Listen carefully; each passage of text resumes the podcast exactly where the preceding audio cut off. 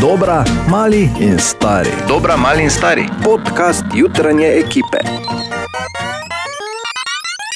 Dobro jutro. Dobro jutro. Dobro jutro. Ja, dobro jutro, lepo pozdravljeni. Danes končno. Uh, na 25. aprila lahko rečemo spet na nek način svobodno, pa to nima veze neposredno z rezultatom volitev, pač pa, hvala Bogu, imeli končno mir pred tem. iz, uh, ja, iz vsake luknje so, so pač ven skakali, vsake paštete, vsake, vsakega kozarca vloženih kumarc. Hvala lepa, zdaj pa gremo dalje. pač golob več ni na strehi. In moj, ja, no, tako zdaj več kot očitno je. Moja edina misel je, da upam, seveda, da se bo uh, izkazal, ko govorimo o metaforiki, v pozitivni konotaciji te živali oziroma tega pojma, ker vemo, ne, kako golobi drugače za sabo postijo, ne, ker se vsak je že bil kdaj v Benetkah ne, ali pa na glavnem trgu. Pisalo se je leto 2012, ko je Axel Rose izgovoril tisto uh, legendarno frazo Not in this lifetime. Torej, pred desetimi leti, ko so ga vprašali, ali bo še kdaj na odru s svojimi starimi kolegi iz originalne zasedbe Guns N' Roses. Štiri leta, oziroma pardon, šest let kasneje, so že blizu naj plakati za Not in this lifetime svetovno turnejo. Ne? Ja, in to v bolj ali manj originalni zasedbi, torej jasno, slash je zraven, prav tako uh, basist Duff McKagan in uh, izjemno je šlo to vse skupaj do pandemije, ki je predstavila oziroma odpovedala tudi koncert Gansov na Dunaju, na, na stadionu Ernst Happel, no zdaj pa je potrjeno, da samo spominjam, to v bistvu, da ne bi kdo pozabil, da prihajajo 13. junija naj bi ponovno špilali. Torej, koncert, ki je bil planiran že za leto 2020, pa bil odpovedan, tako da Guns N' Roses tokrat čisto za res, če se seveda kaj ne spremeni v uh, uh, pandemičnem smislu. Kaj če ne bi? No, glej. Obstaja možnost, ne. ampak ne, ne. je ta zelo majhna. Tako da Gansi tokrat res pridejo nam najbližje, torej na Dunaj, na Ernst-Happel stadion 13. junija. Ne zamudi, če še sploh kakšna karta, veš, to pa nisem šel preverjati. Konec je čakanja, čas je, da se osmisli to, ko pač odštevamo minute čez cel vikend, da pride ponedeljek. Ker ti potem nam Katja zaupa horoskop za cel teden. Izvoli, Katja. Dobro jutro. Zdravo. Jutro. Dobro jutro. Oven. Ta teden boste morali predvsem počakati na vrsto, kar vas zna pahniti v slabo voljo. Ne boste si želeli priznati, kaj točno se vam dogaja. Bik, ravno nasprotno bo pri vas. Vstopate namreč v obdobje blaženosti in miru. Ponovno se spomnite na svoje cilje, zdaj je namreč idealen čas za njihovo uresničitev. Dvojčka, ta teden boste imeli res posebne želje in zahteve. S tem znate povzročiti kar nekaj jeze med bližnjimi. Pazite na svoje odnose, saj se ti znajo ta teden resno skrhati. Rak, dober začetek za novega poglavja vam prinaša ta teden. V nekaterih situacijah boste preprosto morali ukrepati, kar pa zna pustiti velike in pa resne posledice. Lev, pravzaprav vam bo levom še naprej šlo vse kot. Več kot odlično od rok. Imeli boste ogromno časa, da še dodatno poglobite svoje kvalitete in izboljšate trenutne razmere. Devica, v naslednjih dneh boste po hitrem postopku sprejeli določene odločitve in končali več svojih projektov. Zavedate se namreč, da vas v prihodnosti čaka nekaj res velikega. Tehnica, potrebova, potrebovali boste več časa, da se boste lahko posvetili stvarim, ki so vam zares pomembne. Služba prinaša kar nekaj zadovoljstva, boste pa vse, kar boste počeli, želeli deliti z drugimi. Ne, bi rekel.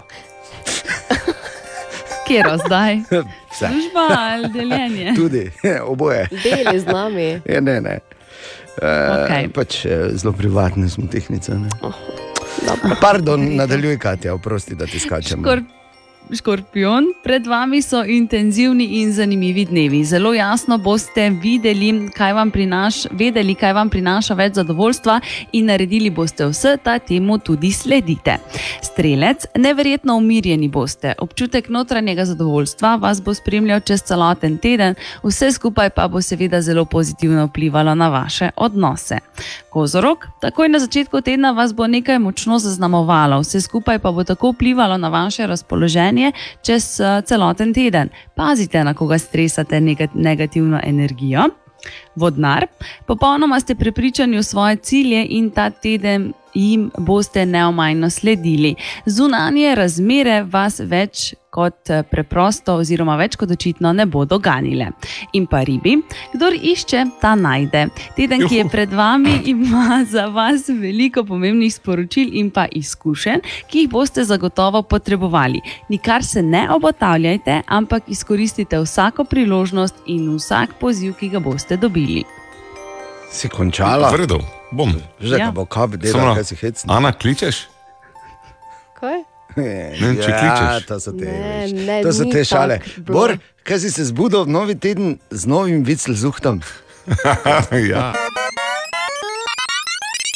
Ena od treh, treh, treh. Jutranji sprehod po zgodovini popularne glasbe. Ta tako pa se ostavimo pri uh, eni od prvih, ki so zaslovele s pomočjo tega resničnostnega šova, ko iščejo talente. Torej, uh, to, je bila, uh, to je bil šov American Idol in prva zmagovalka Kelly Clarkson. Oh. In to je, to je vedno pač tako, kjerkoli si prvi, ne, tam uh, si težko drugi. Wow, Ta resnica. čakaj, to je treba shraniti. Ja, hvala. Uh, ne, ampak uh, šalo na stran, to je bilo jasno, da bo postala zvezdnica tudi zaradi tega, ker je, uh, ker je res izjemna vokalistka in Kelly Clarkson, takrat je zdaj seveda že kar nekaj. Kar nekaj let, več kot 20 let je na sceni in uh, je, je res vrhunska. Ne vem, če eh, kdo ni vedel, ampak jaz recimo zagotovo ne, da, je, da ima Kelly Clarkson grške korenine, da njeni oh. prihajajo tudi iz Grčije, ker Clarkson je stari grški primek. Ari, Ja. Aristotel, ne? in kaj grejo dalje, Platon, Pitagora in Clarkson. To so bili ne. okay. Ja. Je Svojo, svojo kariero je kot mnoge uspešne zvezdnice začela kot natakarica, pa je na neki točki torej se prijavila na American Idol in ostalo je zgodovina, oziroma hiti kot so denimo Breakaway. Ali pa tudi ne, ne. Ne, ne, ne, ne pa je, je, je.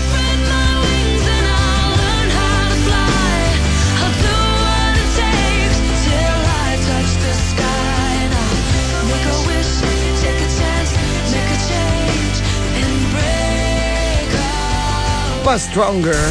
What doesn't kill you makes you stronger. Stand a little taller. Doesn't mean I'm lonely when I'm alone. Because of you. Because of you, I never stray too far from the sidewalk. Because of you, I learn to play on the safe side. In pa hit, brez katerega serija Glee ne bi bila to, kar je.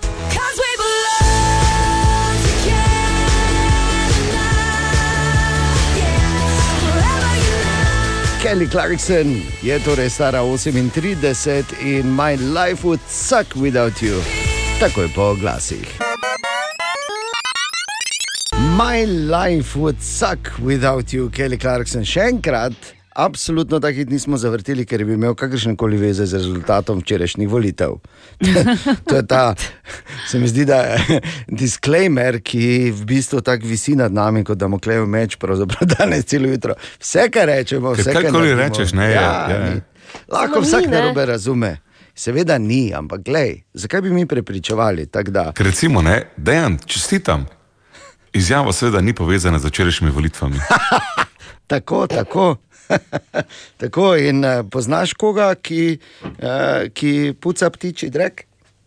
Ni povezano, ne? Veš, kaj ti hočem reči. Želimo dobro jutro. Dobro jutro. Dobro jutro. Dobro jutro. In danes je ponedeljek, 25. april. Kar lahko povem, je eh, nov teden in tudi v tem novem tednu algoritmi ostajajo enako tumasti, ker med številnim spamom sem dobil tudi mail z naslovom Nov teden, novi izdelki in nobenega od njih ne rabim. Hvala lepa. Verjetno nisem edini. Ne? Če obstaja tema številka ena, eh, danes zjutraj so to zagotovo nove državno-zborne volitve, oziroma um, kot eh, so ponekod to imenovali odločitev 2022. In ta je jasna, por. Res je, gibanje Svoboda oziroma Robert Golop je boleče očiten zmagovalec letošnjih parlamentarnih volitev. Eh, Spomnimo, spremljali smo včeraj že ob 19. sporedne volitve, te so bile strani inštituta Medijana upravljene pravzaprav briljantno, ne tako izvrsto kot prejšnja leta, kjer so pravilno napovedali tudi število sedežev, ampak eh, na predčasnih volitvah je glasovalo bistveno več ljudi kot doslej, sporedne pa so jo upravljale samo včeraj, tako da za en sedež se je Medijana zmotila tako pri eh, Golobu, kot tudi pri Janši, ampak dejstvo je, da Robert Golop oziroma stranka Gibanje Svoboda ima sedaj 41 sedežev v parlamentu, ki je 90 članski, SDS jih ima 27, vsi ostali pa torej NSI, SD in Levica pa so si razdelili preostale sedeže, torej 8, 7 in 5. Eh, Koliko podpisov potrebuješ, da lahko postaviš mandatarja? 46 podpisov mora priti do predsednika države, da ta razglasi mandatarja. Matematika je tukaj bolj ali manj enostavna, gibanje Svoboda in SD skupaj imata dovolj sedežev za kaj takega, ampak zdi se po teh eh, prvih eh, povolilnih razmišljanjih, da bi lahko Robert Golob celo štartal na eno tako široko koalicijo, ki bi vsebovala ali pa zaznamovala vse razne SDS-a, celo Novo Slovenijo in oblikoval tako imenovano dvotretinsko vlado, ki bi gladko spremljala vse odločitve. Eh, Za kaj takega bi moral v koalicijo privabiti tudi Novo Slovenijo, ki bi jo lahko zamikala um, kakšna, oziroma lahko zamikal kakšen ministerski stolček. Torej, ta debela zmaga verjetno pomeni hitro pot do trdne vlade. Doslej smo najhitreje vlado dobili v času Lozita Peteleta, tam nekje v slabih 30 dnevih. Uh, zadnja vlada, recimo Marina Šarca, je potrebovala tri mesece, da se je oblikovala po volitvah. Janša, uh, jaz ga ne vidim tukaj dejan osebno kot poraženca volitev. Še vedno ostaja praktično daleč najbolj prepoznaven politik in uh, bivši premijer. Tudi v Sloveniji, če pogledamo rezultate po samih volilnih okrajih, niti ena druga stranka, razen SDS-a, ni imela kandidatov, ki bi zmagovali. Praktično povsod uh, so zmagovali kandidate svobode, ki so relativno neznani. Ampak to, dejan, da je v Sloveniji zopet nova stranka s posebno novimi obrazi dobila polovico vseh poslanskih mandatov, to pa je, po mojem analizi, posebno jasna nezaupnica celotnemu državnemu zboru, politiki v Sloveniji, vsem strankam, ki so od leta 2018 sedele v parlamentu, mnoge stranke, kot smo slišali, samo Nova Slovenija, SD Levica, SDS in Svoboda so v stranki, eh, so v parlamentu, So v stranki. mnoge stranke ne sedijo več v parlamentu. Te volitve so bile itak eh, neke vrste referendum zoper to politiko, ki je Slovenijo vodila dve leti in jo spravila v položaj, v kakršnem smo se znašli. Ej, drugi rezultati mi pravzaprav niti niso pomembni. Ne. Rezultat tega plebiscita pa je jasen. Ljudje so si toliko želeli sprememb, da so glasovali za stranko, ki je največji garant, da bo do sprememb prišlo. Vse ostali so pa seveda v položaju, da s to stranko sodelujejo. Je včeraj tako po volitvah modro pribil Milan Kučan, sedajni predsednik Borod Pahor pa je povedal, v vsakem primeru m, odločitve, ki jih bo sedaj ta vlada sprejemala, bodo pomembne in daljnosežne. Mislim, da bo zaradi okrevanja po pandemiji, ki bo počasnejše, eh, slabše, zaradi vojne v Ukrajini in drugih geopolitičnih tenzij v svetu, eh, terjalo tudi neke strateške odločitve na ravni Slovenije, na ravni Evrope. Hočem reči, da je prav, če se slovenska politika v naslednjih letih pripravi na to, da bo potrebno sprejemati neke odločitve, ki bodo imele posledice za nekaj mandatov. In prva ta odločitev bo, kakšno ekipo bo oblikoval Robert Golob. V pričakovanju teh odločitev pa vas iz novinarske redakcije lepo pozdravljamo. Ja, tako. In še enkrat, seveda, čestitke vsem izvoljenim, tako stranka, strankam, kot novim ali starim poslankam in poslancem, pa srečno in uh, ja, imejte Slovenijo v mislih.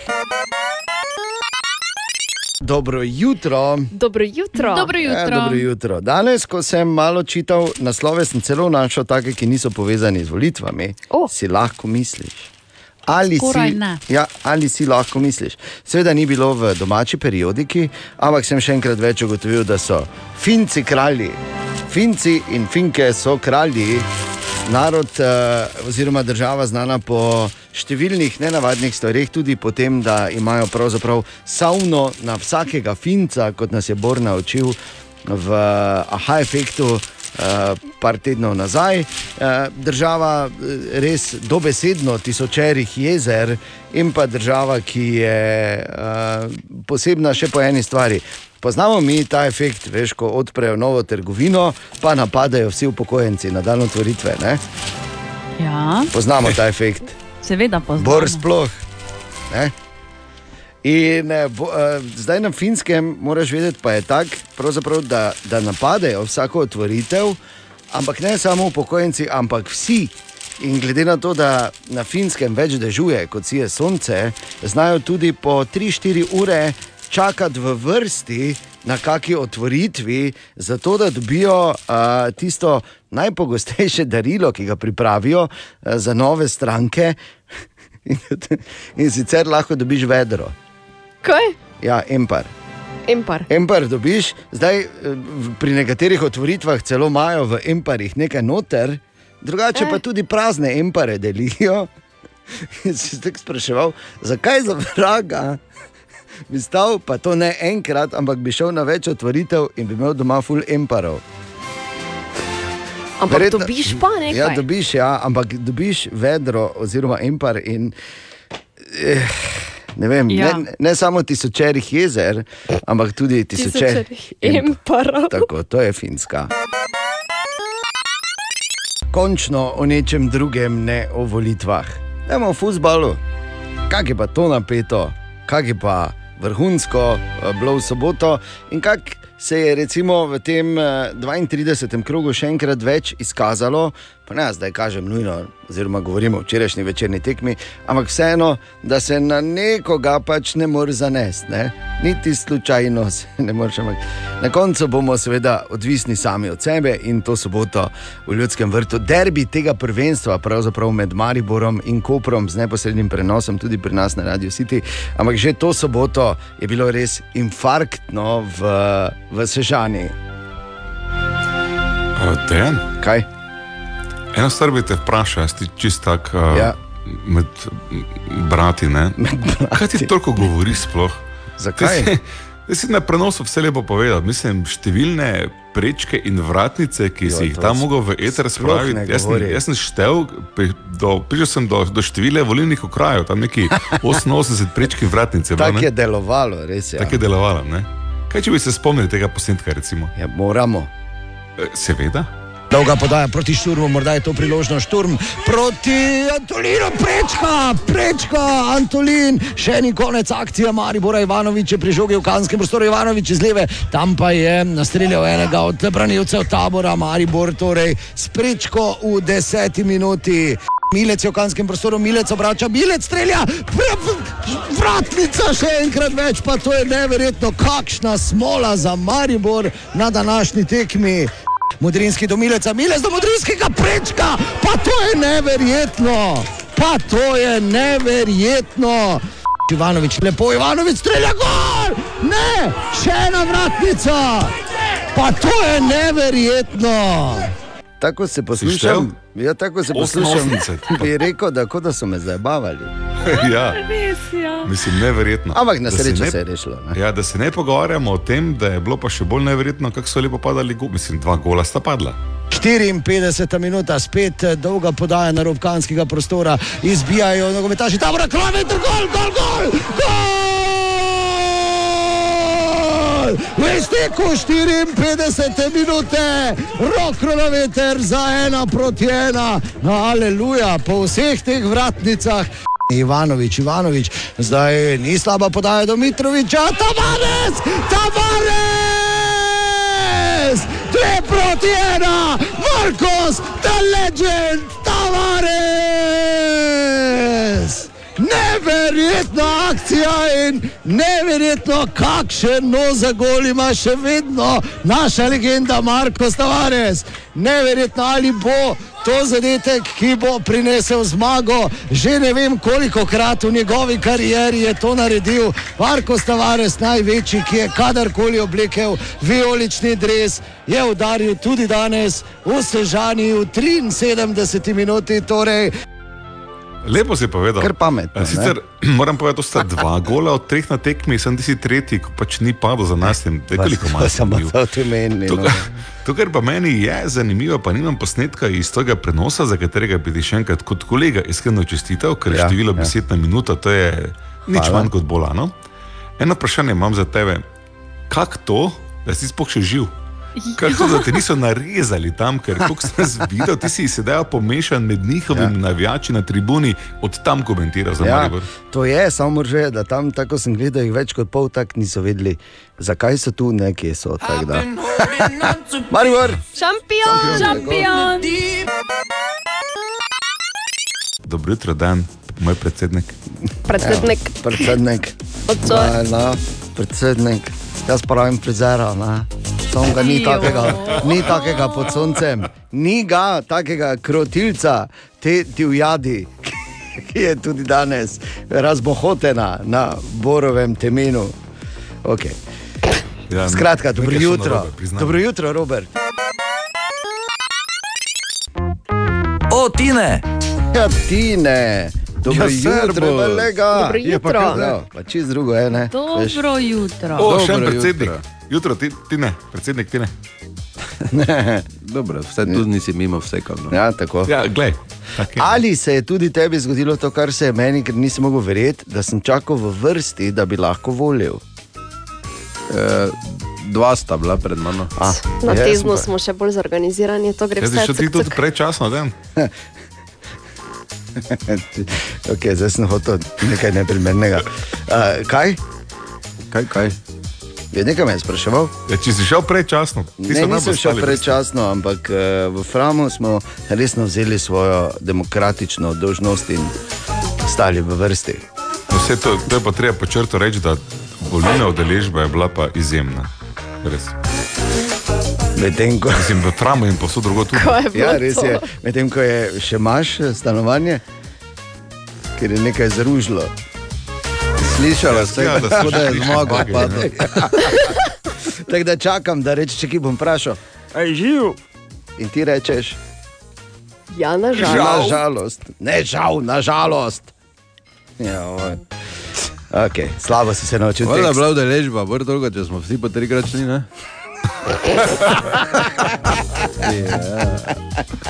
Tako je, še direkt mešaj. Ja, tako je še delati ne bravo, hvala ti in imamo probleme, res odlično. Kaj zdaj oni vejo, odkot je to in zakaj ravno Da ne, no, nič? idi verjeti. Torej, kaj imamo dan za eno zanimivo? Nekaj, da malo uh, skrenemo. Povej.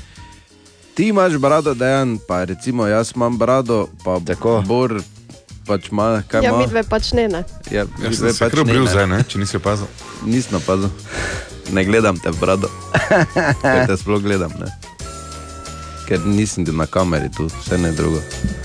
E, drugače, no pa, ker so raziskave naredili in e, res ne razumem. Vsak peti v raziskavi je rekel, da je se rajši odpove seksu eno leto, samo da ima perfektno brado. Tele. Okay. Ja, Zgodba mojega življenja. Kaj?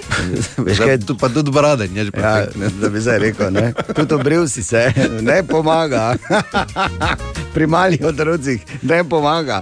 A, rekel bi samo to, ti ne pri Boru, moraš vedeti, da se je zbudil v nov teden z izrazitim viclezuhtom, že na vse zgodaj zjutraj. Pazimo se. Aha, aha, aha, aha, aha, aha efekt. In v High Effectu Bor odgovarja torej na vprašanje poslušalke Ane, ki jo zanima, zakaj se otroškemu dodatku reče doklada oziroma doklad. Bor. Kaj je bila ta druga beseda, prosti? Doklad. Do, ja, to pač. Dok, doklada, dragi kolega, in hvala za vprašanje, eh, se ne sme gledati kot beseda, ki je sestavljena iz klade in tega, kaj se doda k kladi. Zato, ker klada je iz ene druge bolj gozne zgodbe, doklada je ena in enovita beseda in pomeni to, kar se doda k rednim prejemkom, recimo plači. Primer. Priznali so mu pravico do posebne doklade. To je dejansko, ko gre domov za 200 evrov v žepu, pa zraven, ker je lep in ima lepo brado. Naprimer, ne? Tako na Ja, brado, primer je- dodatek na brado. ima. Lej, ne bi mogel na lepše brado, povedati, ja. res je zato. Potem to imamo me recimo- drži nad vodo. Vem, da te. Potem imamo recimo draginska doklada. To je zdaj mi vsi, ko gledamo te energente, ki gor rastejo, pa bomo kakih 150 mogoče dobili, en ja, en ne. To je draginska doklada. Otroška doklada je pa, ja, nekaj si uspel narediti v življenju na temo otrok, čestitamo ti. Eh, Poglejmo malo tvojo plačo, a to pa bo za otroški dodatek oziroma doklado. Um, jaz bi samo spomnil na to, da mm, ne dobivajo vsi otroške dodatke, ki imajo otroke. So pa bile določene države, kjer je družina, ko se je otrok rodil, dobila 5000 evrov, samo veste kaj, Libijo smo zbrisali, za pa imate. Neobreščene, ne? Ja. Ali tudi vi pogosto totavate v temi? Aha efekt, da boste vedeli več. Dobro jutro. Dobro jutro. jutro. In na današnji dan pred 303 leti, leta 1719, je Daniel Defoe objavil svoj, lahko rečemo, zdaj tri stoletja kasneje, legendarni roman Robinson Crusoe. In um, eno vprašanje zdaj ob tej priložnosti, Bor, če dovoliš. Dovoliš? Prosim. Ja, malo sta Malo bila. s strahom dovolim, veš? Ja, malo sta bila s petkom jezna, da se bojo našli, ne? priznaj. Želimo dobro jutro. Dobro jutro. In seveda prvo, uh, tako sicer zgolj retorično vprašanje, kako je bila prva noč v Golobnjaku? Dobro jutro. Dobro Dobro jutro. jutro. No, med listanjem zanimivih naslovov danes zjutraj pa sem naletel tudi na to resnico, ki jo v bistvu, tako da se mi zdi, da vsi bolj ali manj poznamo, ampak gre za znanstveno dokazano dejstvo, da uporaba telefona pred spanjem povzroča nespečnost. To besedno. Seveda, sploh če imamo kako bolj uh, debato. Ne? Web, web, web, web check. Katja, dobro jutro. Dobro jutro. Dobro jutro. Torej, a, nekoliko bolj žalostna novica prihaja iz a, Japonske. Tam je umrla namreč najstarejša zemljanka, stara je bila 119 let. Včeraj. Tako da bor čestitke, ko si prevzel štafeto. Hvala. Okay. Okay. V Saudski Arabiji in pa v Egiptu zahtevajo, da iz filma Doctor Strange izrežejo 12 sekund. Zaradi tega, ker v teh 12 sekundah v bistvu en od karakterjev a, govori o svojih a, mamah, ki sta lizbiki. Ja. Tako 12 sekund, to bo zdaj, to bo čist drugi film. Pol.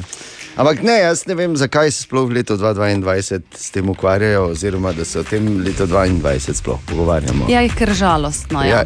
žalostno, No, mislim, katastrofa. Mislim- ne, da je zdaj jako dobro, da v vsakem filmu mora nekaj biti, da izpolnijo kvoto, ne? ampak po drugi strani pa. Ja, razumeš. Ja. Ne bomo rezali 12 sekund. Ne.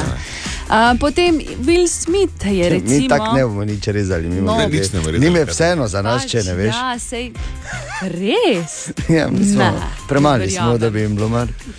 Torej, Uh, Will Smith je med tem časom v Indiji, kamor se je odpravil iskat svoj notranji mir, tam se ukvarja z jogo in meditacijo. kaj si ti naredil? To, je- to pa je živ dokaz tega, da enostavno to ti eni imajo pa res preveč vsega, veš. Bi Bilo treba njega ošamariti enkrat. Če bi dobil akcijski film, on je šel iskat popoln Ja, danec. Tam je v špagi in išče zen in pride nazaj veliki mojster in vse skupaj Pa ni lama. lik špagi, ponavadi so v lotosovem položaju. Ne, v špagi je on, meditirajo. Okay? Tem filmu je on v špagi. Lahko v špagi, Okej, špagi. v naj bo v špagi. V redu, vse je vajni scenarij, lahko pišete, karkoli želite. In pa medtem je recimo včeraj Elon Musk eh, kupil Twitter za 40 milijard evrov, kar Yep. je najbolj hecno, da je v bistvu moral vzeti kredit. No. 25 milijard evrov je bilo. Presenetljivo bi bilo, če ne bi. Ne? Ampak vidiš, kako je to. Elon Musk je včeraj kupil Twitter za 40 milijard, jaz sem spekel svoj prvi rižev narastek. Vse- Vse se da, če se hoče. Vidiš, da se da. Webček. Dobro jutro. Dobro jutro. Dobro jutro. Veš, kako krat se zgodi, ko se tako pogovarjaš s komerkoli, bodi si v službi, bodi si doma, bodi si kjerkoli, v trgovini, ko greš gasilcem roko dati, mislim, kjerkoli. Okay. Ja, pač kjerkoli, pač karkoli delaš. Ja. A, pa se potem malo pogovarjaš, pa rečeš, čuj, samo veš, kaj mi pa gre, re, to mi pa gre tako na živce.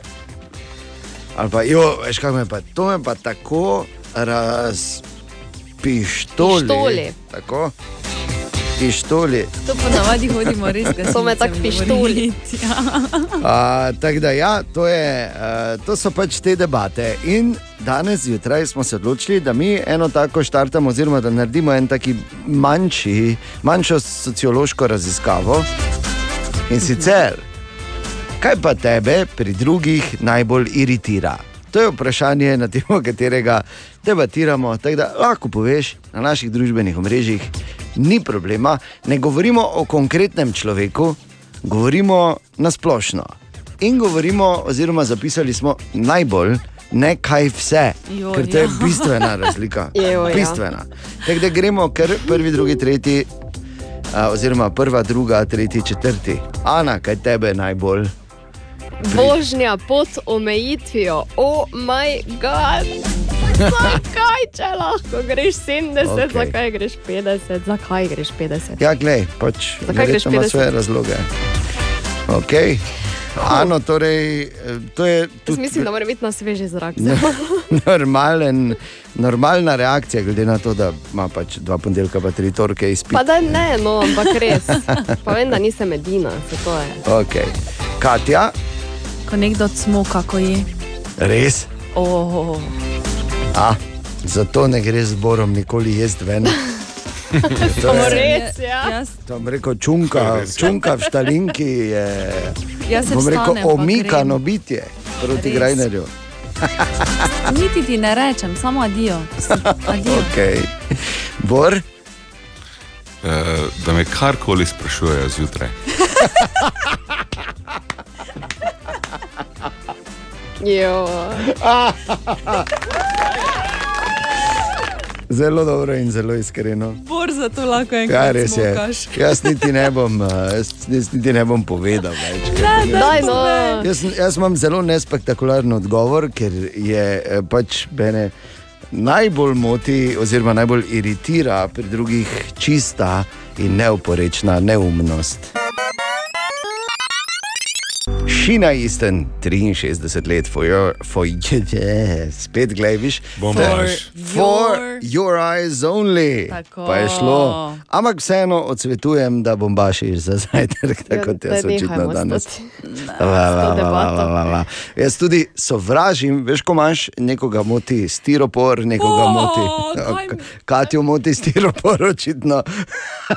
Ali pa ko nekdo za kremplji gre po tabli, tako. Nekoga moti zvok uh, uh, pač tega svedra pri zobozdravniku. Ne? Kaj lahko nehaš? Čakaj, hočem povedati, jaz pa res, res ne prenesem, ne prenesem in ne morem, ne morem, veš, da bi vzel vato, pa bi jo na pol vtrgal. Želimo dobro jutro. Dobro jutro.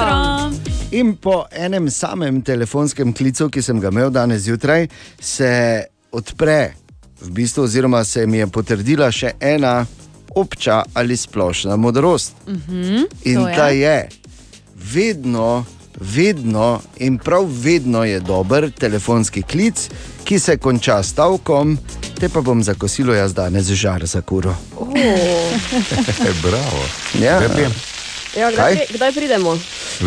Štiri, štiri minute čez sedmo, dobro jutro. Eno sociološko raziskavo delamo danes na naših družbenih omrežjih, ali pa si samo tako malo, malo lajšamo svojo, že tako ali tako prenapeto in utrujeno dušico. Ne? Da malo povemo. Tako, podelimo. tako, to pač rečeš.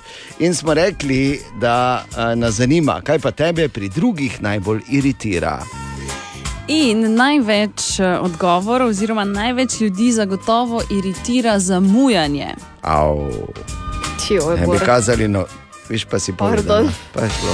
Samo- La, la, la. Res je na, ne na slabem spisku. Ne, si. jaz bi rekla, da na zadnje, ko smo se mi dva z Borom dobila, je bil tako hudo točen, da bi si lahko Ja, uro na ker mu je prej njem odpovedal, ne. pa se mu je zglihalo. Tako da jaz, jaz, jaz verjamem v Katja, to, da hvala, Bor si Katja, vse da- da- popravil in hvala, da. Ja. Katja.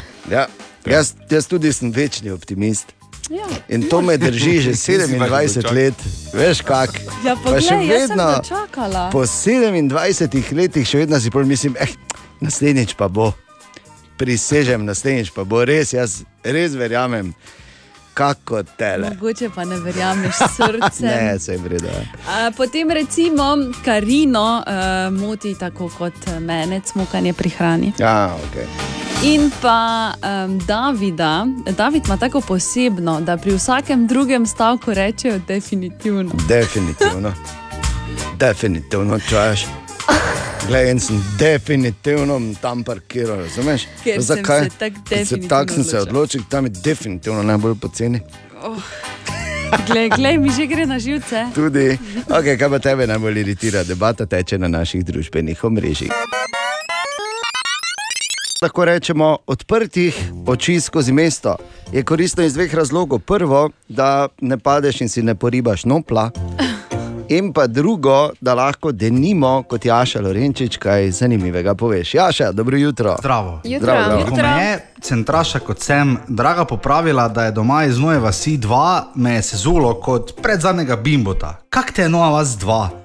In sem izpadal, bajdle, kak te ne veš, Nova vas ena, dva, borova, kakorkoli. Padle so debate, teksti, kolumne in so se, smo se vsi med sabo nekako čudno gledali, ker Maribor je pač, se, ni pomembno, ne en, ne, Maribor je, mi smo Maribor.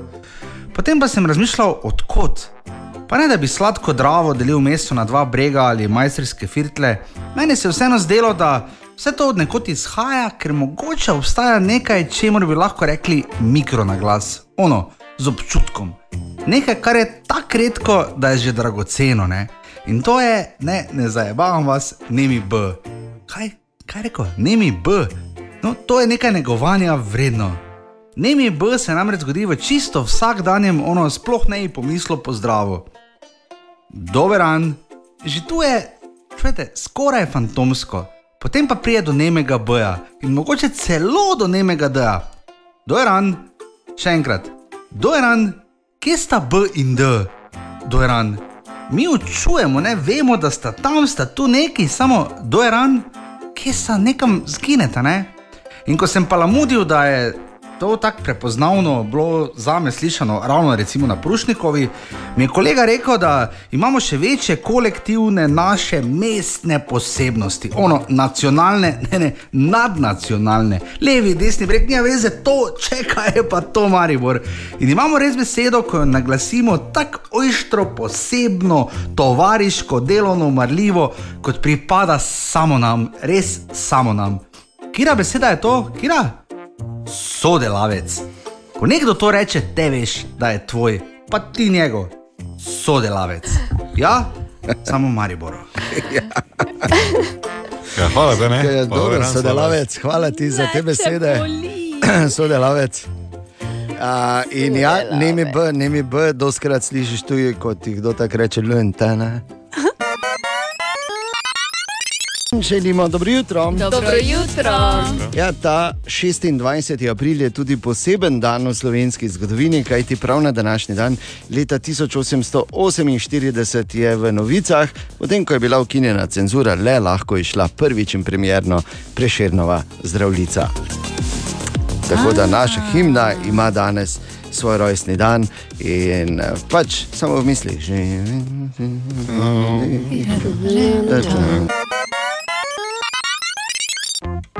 O, Tine!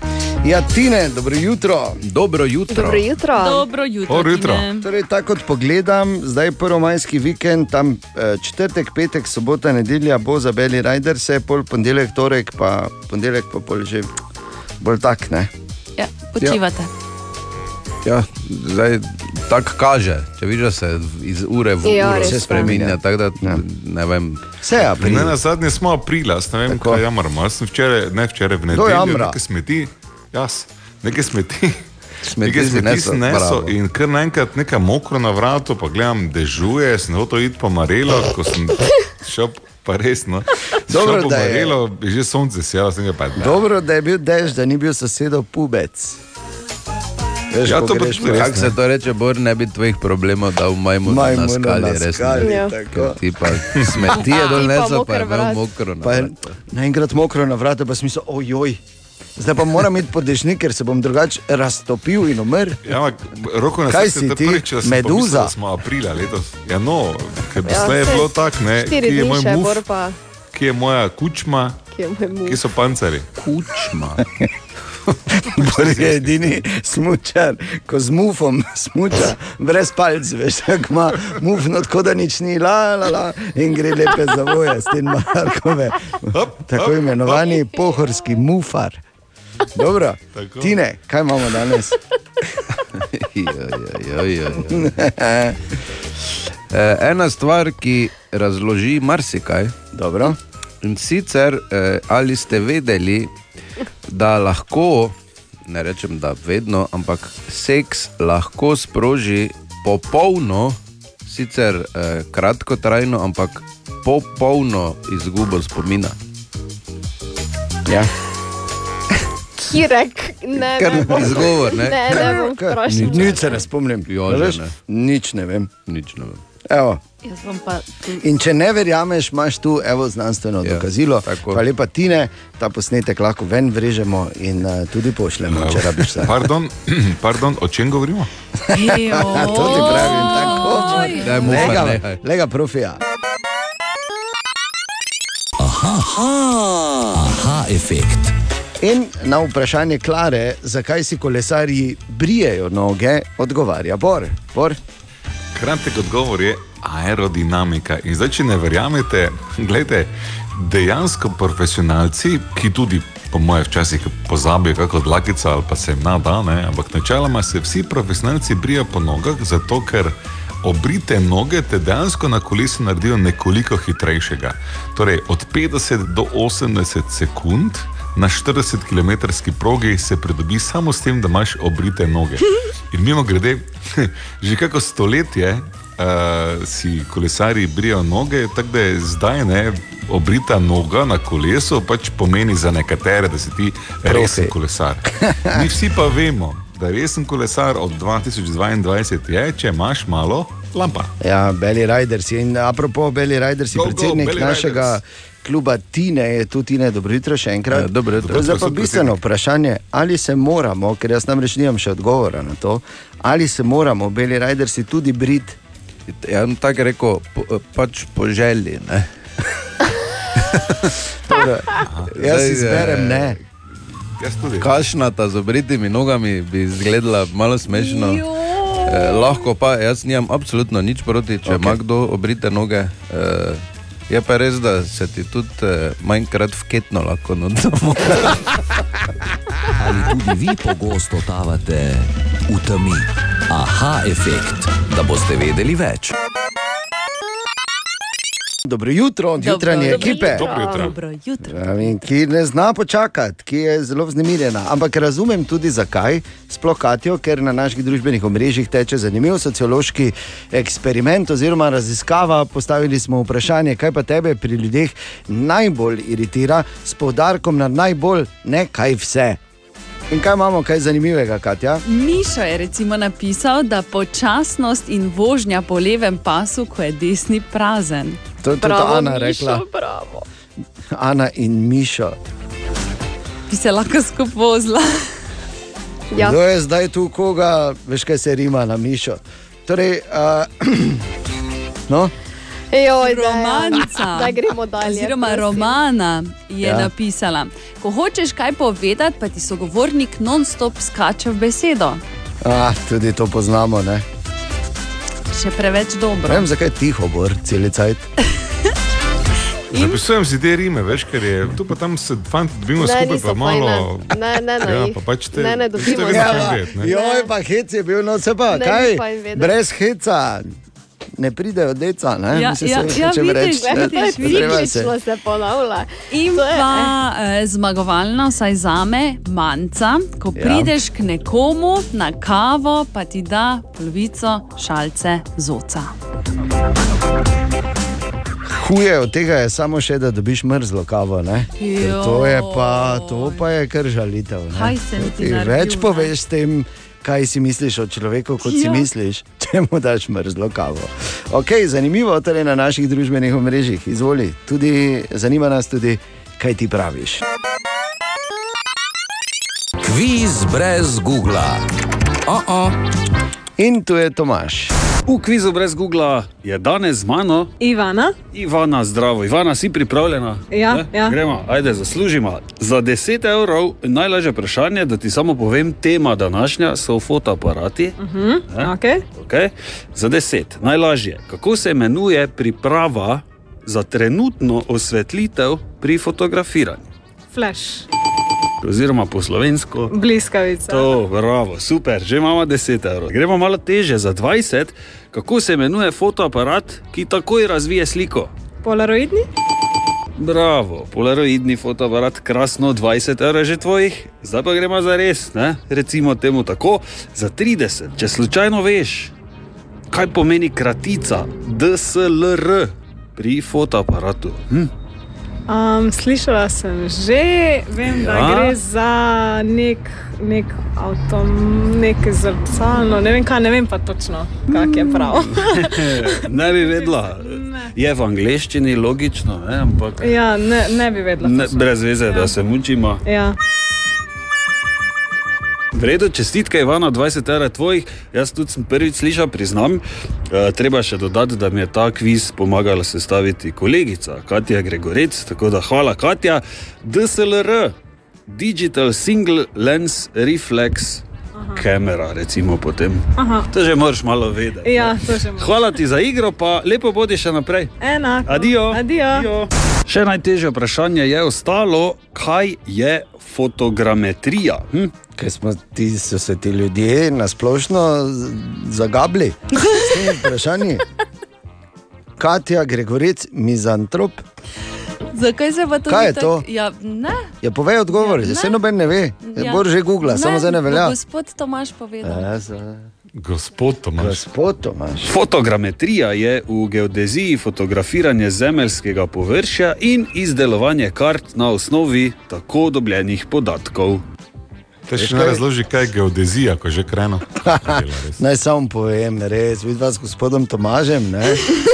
Sem, če bi se malo nazaj držala, pa pomislila, da pač ljudje zunaj so čuteča bitja. Kviz brez Google. Oh -oh. Ali lahko jaz še spremenim moj doprinos k naši, našemu sociološkemu eksperimentu na družbenih omrežjih, kaj nas najbolj iritira pri ljudeh? Če ni z mano povezano, Ni s pa tabo, lahko. tokrat je res okay, ne. Lahko. Ampak sem ugotovil, da mi resnično gre na živce, da ti nekdo nekaj resno razlaga, pa drži v desni roki telefon, kjer ima vklopljeno funkcijo gledalo, z drugo si popravlja čop, se not gleda in ti čisto resno nekaj razlaga. Pa kak? Ob, Se ob, oprosti, zapletlo. nisem bil pozoren, ker sem si hotel samo frizuro popraviti.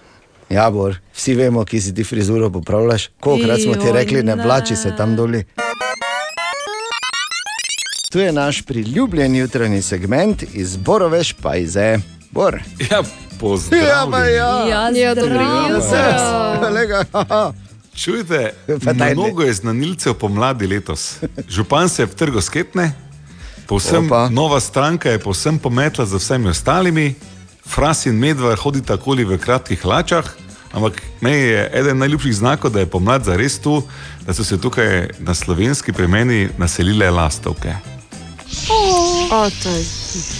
Ja, Čuješ to? Vsakoletno zgodbo. Kako Šip, je šip, lepo. Torej, to so edine ptice, ki lahko eh, pojejo in serijo hkrati. Ne? Ker to, kako pa to po seriji, notranje dvorišče, to je neverjetno. Ampak,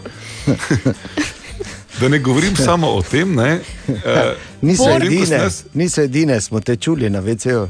Ja, res je. Uh, nisem tudi edini, ki ga serije te dni, ker moj sosed robi, pogosto se ga spomnim, ko gre za mm, kakšen ekstremni dosežek. Aha. Je tak v toto moje ptičje petje in opazovanje eh, novih ornamentov na stenah, strani lastovic, preletel z eno novico o robi. Ja, ravno kar sem prišel z ogledne ture eh, enega čudovitega trailteka, eh, ki se dogaja tukaj na um, obrobju Maribora in sicer na tej naši strani. Kot Mariborčani eh, ne poznajo vseh teh skritih kotičkov, ki jih praktično lahko dosežemo zgolj v petih minutah z enim sponom, recimo na mestni hrib na Kalvarijo, proti Urbanu, na Vinarje in nazaj po piramidi. Nazaj, tako da pomlad je čisto, zares prišla v mesto in eh, s tole pomladjo eh, prihaja tudi v bistvu poziv. Da pogledate, kaj se bo dogajalo 25. junija na dan državnosti. Dobro, dobro, te bomo še govorili, ker je juni še daleč, ampak zaenkrat tudi jaz sem svoj poziv. Javno pozivam vse zaščitene lastovice, ne, da naj ga manj serijo. Jaz pa, ja, Katja je čist, eh, kako lahko uporabljaš Glej, tako da eh, lastovice so doma tam, ko so prijazni ljudje doma. In, To si in zapomni. Zdaj v tem trenutku jih jaz In so, ocenjujem. in so mednarodni, mednarodni simbol zvestobe, tudi, ne, da smo si na Vse, jasnem. glej, vse je v redu, ampak eh, ali vi veste, koliko jaz producira ena Ja, lastovica bom v prišla enem jaz dnevu? lahko? To, to je neverjetno. Lahko nehamo, prosim, zdaj na ta. Ti samo eno drugo zgodbo, tu noben ni opazil, da si ti bil vabljen na trail tek. Prosim, ne, Bor. Bor leta, najspektakularnejša izjava zmaga. Bor leta, eno leto, en tekmovalec, ena nagrada. Bor leta. Ja, ja, ja, december je še daleč, ko bo Bor leta 22. Ampak ene zlobne, eh, zlobni indici so mi prišli, uh, so prišli do mene in se rekel, to je treba preveriti. Ana je namreč rekla, da je. Da sva jaz z Borom izenačena. Ja, zadnjič sem nekaj brskala, veš, da jaz imam dostop do teh arhivskih map in posnetkov, ne? jaz pridno zbiram, vem, da me nimate radi zaradi tega, ampak zadnjič not pogledam in uh, je pač izenačena sta. ne, ne bo. Ja, no, pa še peti Ne, mesec. no, ni. prosim, da no, prosim, da. Tako da to je. Je pa to je nemogoče, kaj Ja, si hecno. Musite povedati, čakaj malo, to je, to je zgodovinski moment, Den. Ja, zgodovinski moment. In kaj se je zgodilo z Dejanom letos? Mislim, razumem Bora, ampak. Ja, Po vseh teh letih je zlobne že mu uspelo, to je vse, kar bom rekel. Okay, preverimo, samo malo, preverimo najprej, uh, kakšna je situacija. Ne? Preverimo, uh, ali, to, ali to res drži. Gremo ena, ena, ali gremo najprej en, pol pa drugi. Ena, ena. Po želji. Ena, ena. Ja. In kje bo prej svalilo? ne? Ja. Okay. Začnem s sabo, da ne bo kdo rekel. Ne? To, to je tako edini, to sploh, ni, to sploh ne bi smelo biti na, na seznamu flopsov, Ja, kar si mislim. ja, ja. Veš, kaj ti hočem reči? Mhm. To so bili humorni momenti, No. ne flopsi. Bomo? Ja, ok. Zdaj pa veš, ko smo šli mi, včasih, ko smo hodili, ko smo rekli, zdaj pa gremo. Ne vem, ko smo neki bili, pa smo rekli, gremo v Hočo. pa kam. A pa ste si Pa nesli smo po si- treh Seveda smo imeli vse kuhane. In to je zdaj kaj, to je zdaj flops, tako smo govorili. Ja, v tak je moja, ja, seveda, tako smo govorili, tako je babica govorila moja, da je šla v Hovčo in to je bilo čisto normalno. In zdaj vaše nepoznavanje, bom rekel tako, jezikovnih posebnosti iz zgodovine, mislim, ok, naj bo, naj bo. Kaj ok. pa iz Logično je, da se brani, ne se. Pa, da ne, Borova samo daj. dejstva navajam, ne, da vas malo izobrazim. Ok, Bor. Previdno na obvoznici med razcepom Drgučova in krožiščem Pesnica Smrčni del, tam je zastoj dolg 500 km. E, to je flops. In, in nič ni napadlo, da so zastoji tako dolgi, ker Ja, pač se nabira 500 zadnje km, seveda. ne, 500 Italijo km je še malo. Okay, da vidim, kaj še, je, kaj še je Ana pripravila. Veš, ko čuješ nekaj takega, da te malo. Ne, ali pa da te. "eh", Ne, veš tako, kot je tak trofej. Mm, ne, to je spet samo plastično uh, prikazovanje ene situacije, do čimer bor. Največjo kazen zaradi nešportnega in neprimernega vedenja navijačev bo plačala Olimpija, ta tudi v soboto tekmo proti taboru igra za zaprtimi vrati, brez prisotnosti igralcev. Tako, pravilna kazen, brez igralcev. Ja, seveda. Okay. Zdaj končno pridemo mogoče do prvega, bom rekel tako, jezikovnega spodrsa. Ajde, da me vprašaš, ker je od teh treh manj insomnijo. To bi bilo recimo vprašanje za poznavalca. Ne Pa pa kdo špila kitarijo. Kitarijo.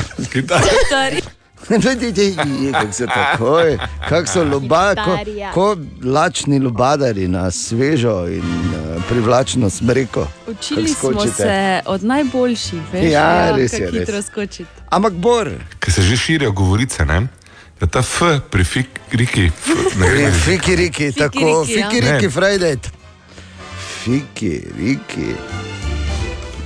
Ok, in morda to sem se pa res motil. Ja, veš kaj, game brez grafične, tako kot um, Zobni pes, zobni pes brez zobov. Zobni pes. Eh, morski pes brez lepo se- In takoj sem priznal, Mhm. ko sem se zmotil, do čimer Ja. za Bora, ki je rekel: Počasi dežuje tak, ne? Si den tu? Si, okay. Bog mi pomaga. Leti kaple.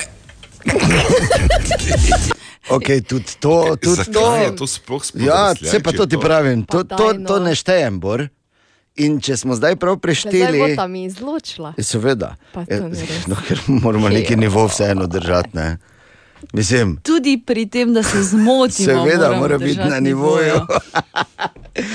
ne, ampak če za res, kar smo videli, Bor gladko vodi 3-2. tako da Ne vem, ne vem, daj, zakaj, daj, no. ne vem zakaj zdaj tu Glej, izenačeno. je Kako se to sešteva zdaj? 3-2, 3-1, Tebe. pravzaprav. Web, web, web, web check. No, pa dajmo, Katja, dobro jutro. Dobro jutro. Dobro jutro. Dobro jutro. Danes zjutraj razveseljujemo Dejana, kaj Res? ti. Uh, Kaj pa te? O, To, je, Za- to bi morali vsako jutro. Za Dejana imamo čudovito novico. Ja, Uh, zagotovo si jo najbolj nestrpno pričakoval ti. oh. Robert Pattinson bo še enkrat Batman. Yes. Noro. No, eh, pa pa, kako ampak je samo pa malo. Ampak naj povem, naj povem, da sem si ogledal eh, tega novega Batmana in kot sem dejal, se je potrdilo točno to. Da pač, ker se prva reakcija ne more biti lesketajoči se vampir, Batman. Uh Mhm. -huh. Batman je pravi det, ne? Uh -huh. on pa se pa cveti, ne farovski vampir, kot mu tudi pravim. Ampak eh, sem pogledal in moram reči, da sploh ni slab pubec. ne. Ja, In da bo, ga. upravičen, ja, da bo upravičeno v bistvu igral v drugem delu. Ja, no, super, No, takrat no, tak. smo te v bistvu res razveselili. ne? Niti ne, ampak eh, vseeno lepo je. Ja. Uh, potem recimo Madonna je po treh letih ponovno samska. Mm. Ker ne bi bilo nič nenavadnega, če ne bi imela res mladega. Ne? Je 35 let mlajši, je, No, ja. ampak sta šla na razen zaradi nje.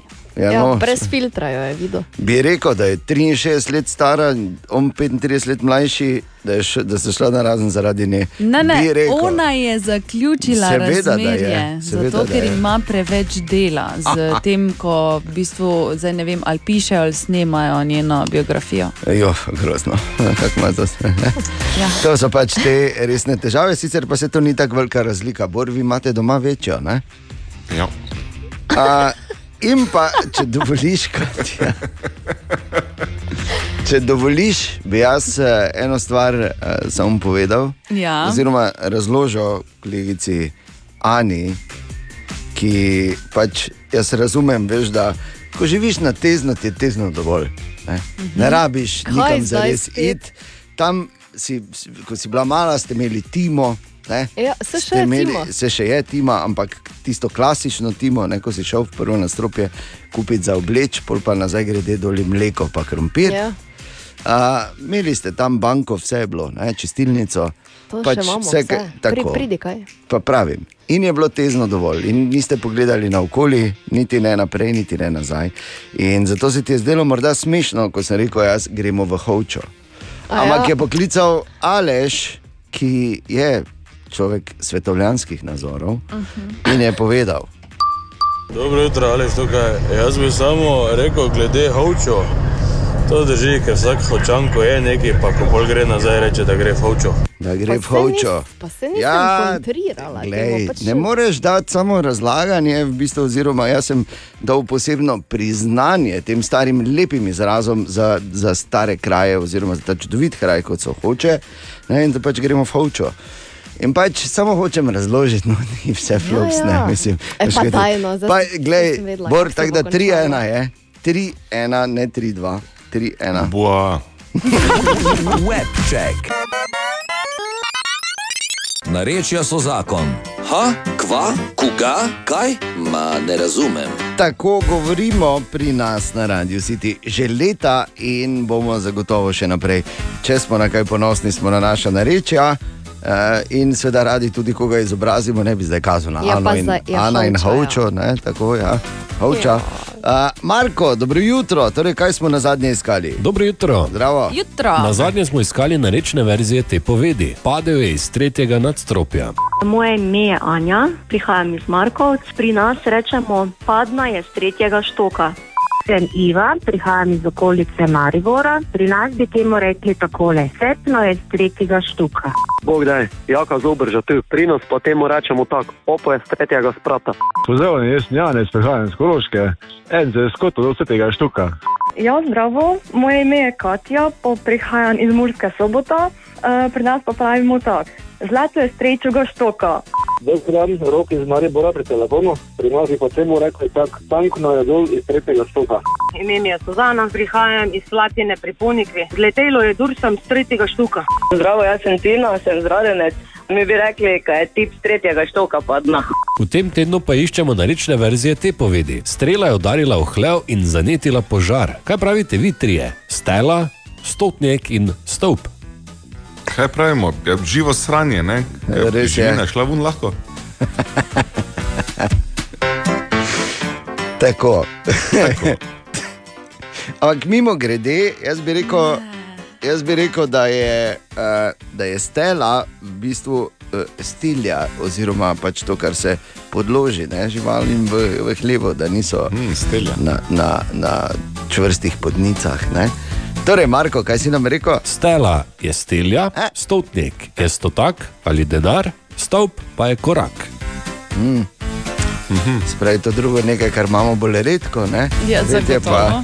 tretje pa glede na naše leta, huh, še kar poskočno.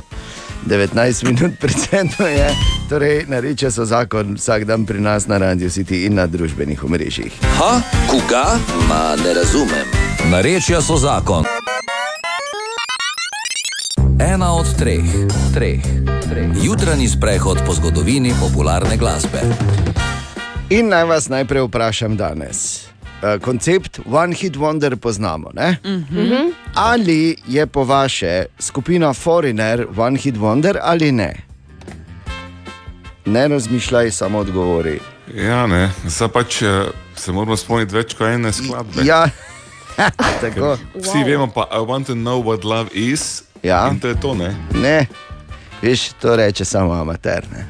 Ko je v 80-ih No, je v jaz- jaz 80-ih to poslušal Modern Talking, pa vem, medtem ko smo mi. Že former, ali ne? Ja, bravo. ja, ne, se daj. Medtem je le bil včeraj dan OF, tako da bolj osvobojeni gremo danes. Je. Uh, torej, uh, če si pač poslušal to, kar sem pač povedal, pol logično, da ne poznaš hitov, kot so recimo Cold as Ice.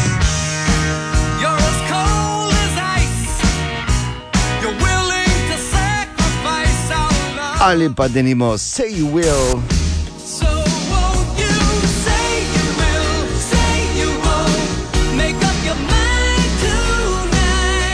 Ali pa denimo Hot Blooded.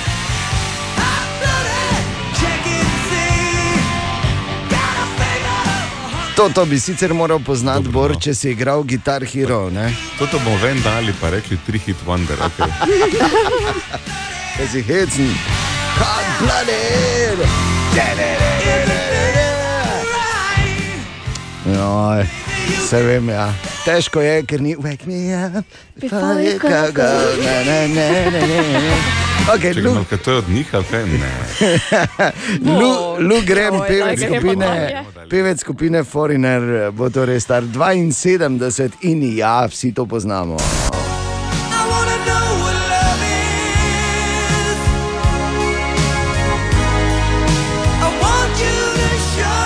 Zagotovo največji hit skupine Foreigner in eh, ko bo Lugrem 72, torej in vrtimo to danes zjutraj v celoti.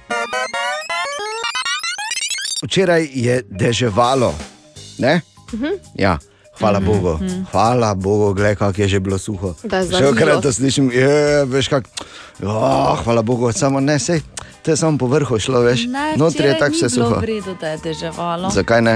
Zaradi tega, ker eh, zato, da sadiš koruzo, mora biti tri dni A, suho. ja, ja, okej. In zdaj ne bi smelo deževati. Moje murke pa uživajo. Te pa se koruza ne seje. A ja, joj, pardon. Ja, no, In vprašam, kaj vprašam, Ja, no, vprašam, ja. z nekim skromnim uh, poznavanjem. Pardon. Pardon. Ampak, ko govorimo, to je seveda Katja kot veleposestnica, takoj na veliko poljedelstvo, ne? Mhm. mi pač bolj ostajamo pri vrtičkanju in vrtovih. Manjše kvadrature. Ja, tako da ne vem, zakaj se sploh reče, kraj očakova, ko je bilo, Gregorečevo. Ne? Ja, tako je tako ja. vse tako na veliko. E, ampak brez heca. Uh, torej, vrt Ana je govorila z Metko Ternja, ki je seveda velika strokovnjakinja na tem področju, samo zato, da nas spomni ali pa da nam svetuje, uh, kaj neki moramo na vrtu delati zdaj. Ja, in uh, govorili smo med drugim tudi o tem, da je lepo, če je naš vrt pisano zasajen in da imamo poleg vrtnin na vrtu tudi rože, zelišča, začimbnice. In poleg tega, da vse skupaj lepo izgleda, ima pa tudi, um, so pa to tudi koristne rastline. In Medka je povedala, zakaj je temu tako. Vrt sicer tudi, če je zelenjavni, spadajo na vrt eh, tudi rožice in zelišča. Ne? Spomnimo se tistih starih, rekli so jim gartlici, ne? Kjer je raslo vse to v nekem sožitju. Zdaj rožice, predvsem te rdečih barv, privabljajo čebelice, zdaj moramo. Niso samo čebelice tiste, ki vprašujejo, tudi druge žuželke. Tako da je super, da imamo nekaj rožic, predvsem pa zelišča in začimba ne samo za našo uporabo, ampak uh, te uh, rastline z svojimi eteričnimi olji veliko krat odganjajo tudi različne škodljivce. Ne? Če je res vrt tako pisano zasajen, prvič lepo zgleda in še veliko bolj zdrav je. Recimo kapucinke, ognič, kamilice, mete, žajbl. In v bistvu ne samo, da so koristne za čaje, za napitke, za izdelavo domače kozmetike, tudi varujejo drug druge rastline. Ne? Lepo. Ha? Tako. Oziroma, uh, naj samo tem, seveda, se zahvalim, tako Ani kot Medki, super na svetu so to. Bi pa samo povedal še enkrat, oziroma pozdravil z pozdravom, mojim drugim najljubšim pozdravom, odkar poznam našo medeno kraljico Valentino in sicer naj medi. Naj Tako, naj medi. je. Torej, odprtih oči skozi naše mesto je pomembno, eh, da greš iz dveh razlogov. Eh, Naj še enkrat povem, seveda prvi, da si ne, da si ne zlamaš čudovitega nopla. Ne? Ko, na kaki luknji, eh, ko se na kaki luknji spotakneš, in pa da poveš kaj zanimivega za radio, kot to recimo eh, vedno znova naredi Jaša Lorenčič. Jaša, dobro jutro. Zdravo. Čisto možno, da se to res samo meni zdi, ali pa tudi ne, ampak zdaj, ko je nekako spet vse lahko, tako kot je bilo prej, ko je folk tako navdušen, da si v centru mesta še dekoracijo gostilne nesejo domov, ok, ni smešno, čeprav malo pa je, no zdaj je v zraku čutiti neko vljudnost. Ta distanca se pač nekje mora poznati. Recimo v soboto na Grašu tu v Lukni. Grem slejko prej za šank, ok, neke gužve pri takih cenah ravno ni bilo, samo ko sem že mislil, da bo tip, ki je vletel istočasno kot jaz za šank, ono, da bo naročil tik pred mano, pa mi jaz potem mahal tam za manj, kot da gremo dio. Mi je tip prisežem vljudno rekel: Ne, ne, izvoli, kar ni problema, mislim, da si bil ti prej na vrsti. A ja, pa ko smo pri cenah, se vemo, Inflacija, gor gre, vse. In potem bolj zineš, ko pojamraš, da je življenje ratalo drago, kak narobe. Ker ti šef lokala, ne, če že tako pojamraš, gladko reče, direkt v ksiht. Ne stari, uh, life ni drag, samo ti pač denar nimaš. Ker je itak res, dvojno res, kak že gre ona, strup v malih flaškah, pa to. Ali pa velikih, ker te dni sem slišal za nekaj tradicionalno mariborskega. Iberlauf. Kaj je Iberlauf? Uh, to je. Okay, med drugim je tudi odtok za odvečne tekočine. No, pa saj, kot je v sili, sploh v gužvi, taka sila, da sam rataš sila, da drugim ne bo sila, ko je tebi sila. Ne štekate, ni sile, samo da veste, da obstaja četrti Newtonov zakon, imenovan Iberlauf. Ja, iz vljudnosti, ja, samo v Mariboru. Tako in ja, kot je povedal Jaša, ni res, da je life drag, samo mi nimamo denarja, tako pač je. Ne, vidiš, kako se vse drži. Zdaj sem pozorno poslušal, Bor, da imajo danes v Kopru sladoledni dan, srečneži in da uh, prodajajo vse po simbolični ceni en evro za kepico. Mm -hmm. Jaz se spomnim, da ne tako dolgo nazaj to ni bila nič simbolična, Ja. ampak normalna cena. Kolega Vedlin, da si mi prišel, veš, ko temu rečejo as na enajstko, v eni igri pa ne bi zdaj razlagal, kateri, ker sem šel če na as resno enajst. razpravo. Še leta As je 2000, pusti to zdaj. Še leta 2020 je bila kepica v Mariboru evro 20, Ja. evro 30. Tukaj je šlo nad evro 30, ne so si pa že malo, hoho, premium, privoščili. Ja. Tako da, res Ja. koper, za en evro. Hvala. Ja, da bi se kuj dol pelo, ker tako kot je zaenkrat eh, bencin, se mi zdi, da še več na sladoledu prihranim, kot na bencinu zgubim. O, Tine! Je običajno v tem terminu, ampak Tine je na zasluženem odmoru in ko je Tine na odmoru, Kolesarji. eh, ne to, pač Aha. dela kar počne. ne? Da meni, da meni, da pač eh, izvedem ta njegov priljubljeni jutranji termin, ker sem pač. Hvala Bogu, ne, je danes izjema, ker kuka zeme mene Ne, pooblastil. nič ni tebe pooblastil. Nehaj Ja. se siliti, ker imam jaz tu od njega navodilo, kaj moram danes Resno? povedati. Ker Jaz sem pa pripravil živalsko zanimivost. Ne, Bor, in če mi boš dovolil, bom celo kaj Povedal. lepega povedal o tebi. Resno? Ampak Oh. lahko tudi ne, lahko pa tudi ti živalsko. Ne, ne, ne, izvoli, mislim, kaj se izvoli. Kdo si ti, da bi stal na poti, ne? nekomu, ki Ja, hoče sebi. lepo o tebi govoriti? Okay, najprej zanimivost, ki jo je povedal Tine, oziroma ki mi jo je naročil, da moram danes razložiti. In sicer priljubljena sorta banan je sorta Cavendish. Ne? Okay. Tudi večkrat v reklami slišimo, to so te sladke, eh, super banane. No, kar je zanimivo, da te banane nimajo semen in da je ta sorta, so jo, ki so jo seveda dobili s križanjem, je v bistvu slepo črevo uh, evolucije banan. In da se lahko reproducirajo samo tako, da jih kmetovalci sproti cepijo. Govorimo seveda o drevesih oziroma o palmah. Aha. Torej ne rabijo ne opraševalcev, ne nič. Ne? In tudi Lahko samo vprašam, čisto po malem, tu, kje sem jaz v zgodbi Počakaj, no, ne bodi, ne, ne bodi nestrpen. Kaj ti? To je seveda že samo po sebi zanimivo dejstvo. Ampak eh, moram pa povedati, da vedno, ko je debata o bananah, se spomnim enega aha efekta izpred oho, oho, oho, oho let. Ker vemo, aha, aha efekt je najdlje trajajoč eh, jutranji termin, ki ga imamo, ki traja dlje kot zasedanje bolgarske skupščine.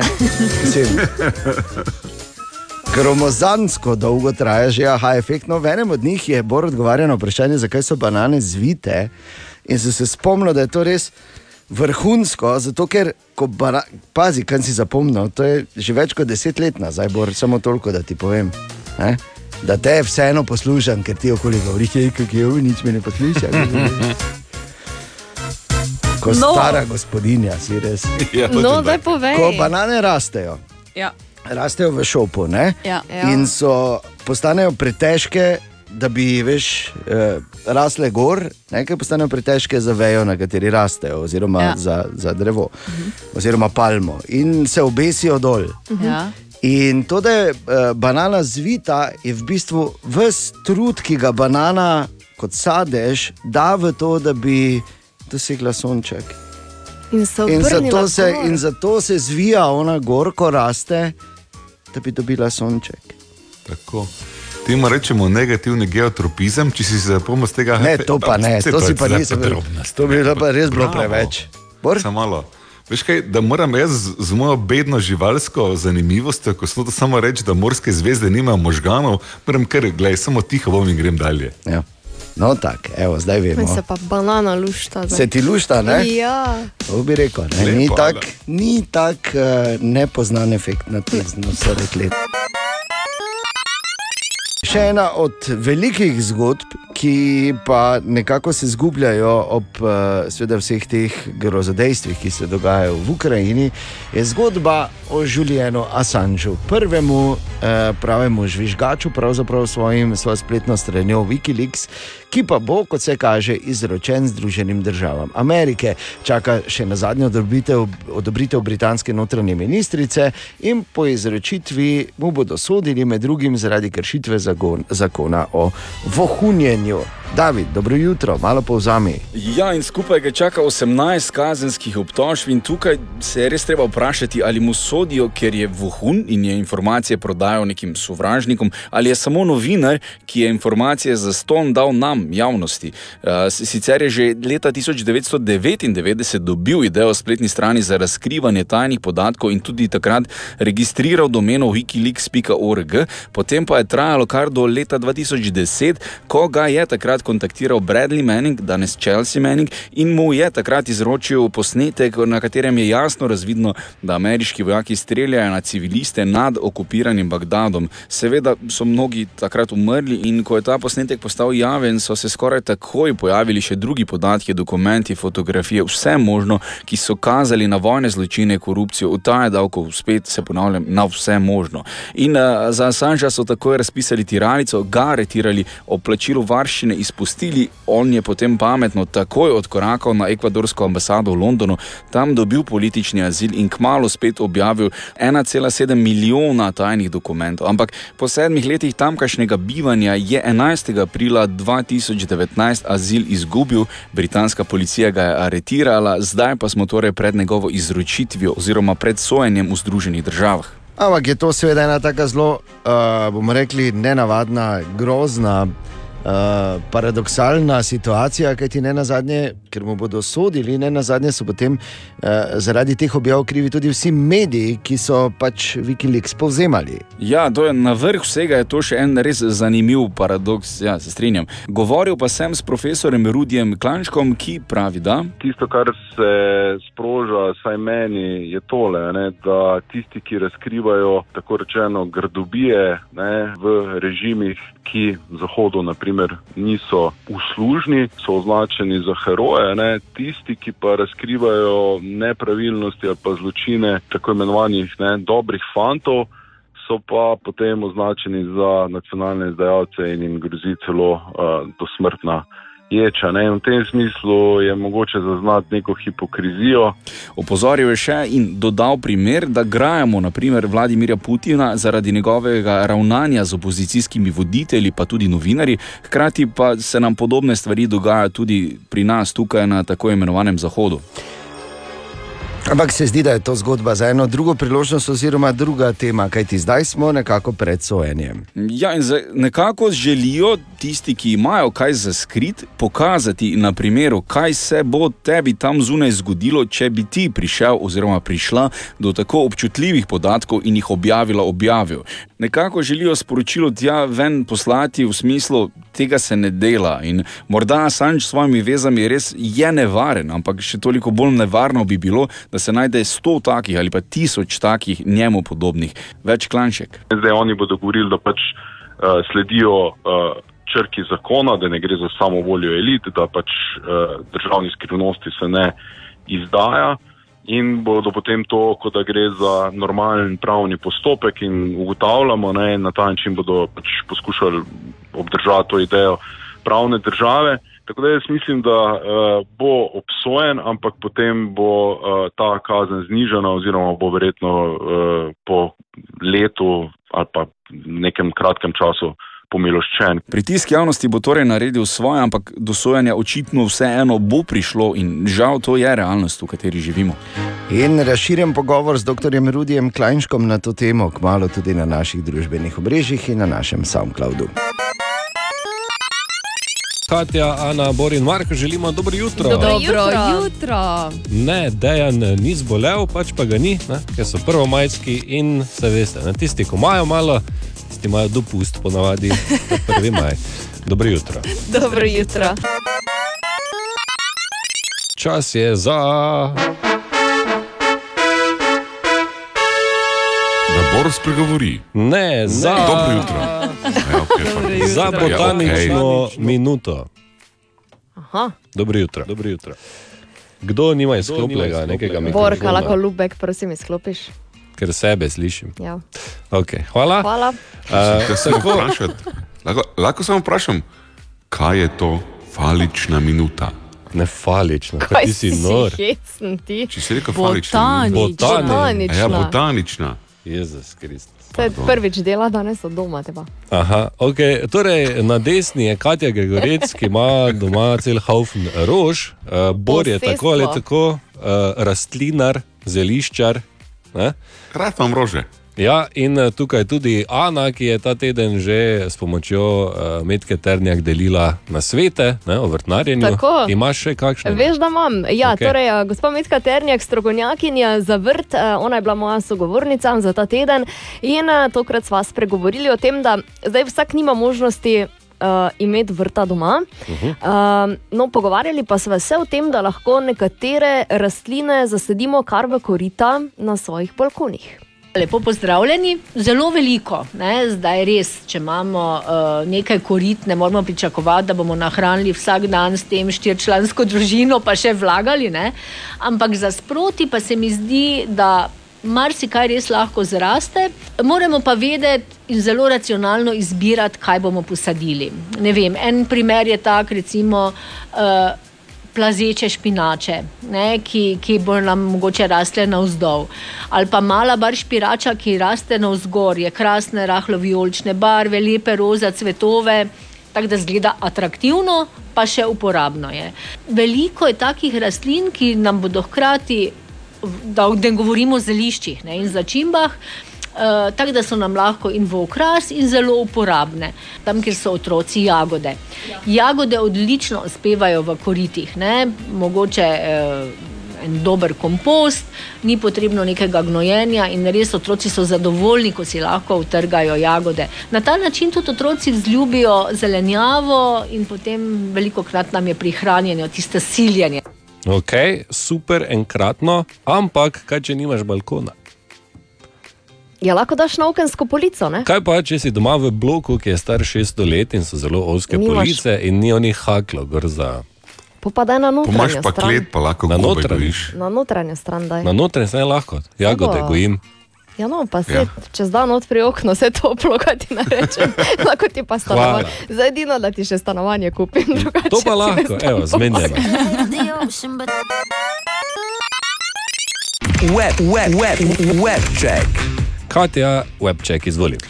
Torej, letošnjo naslovnico posebne izdaje revije People, posvečene najlepšim ljudem, bo krasila 26-letna britanska igralka Helen Mirren. Če je Helen Mirren 26, 76-letna, oh moj To sem rado rečeš, ki če Helen Miren 26, nas 18.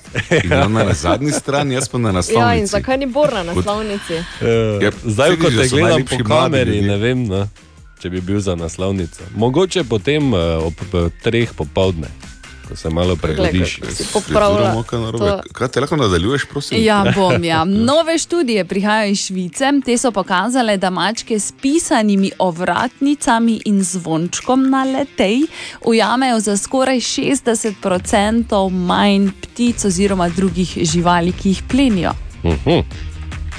Kar je dobro za ptice, zato ker mačke potamanijo ogromno število ptic. Ravno zaradi tega so delali to raziskavo, kako bi lahko omejili.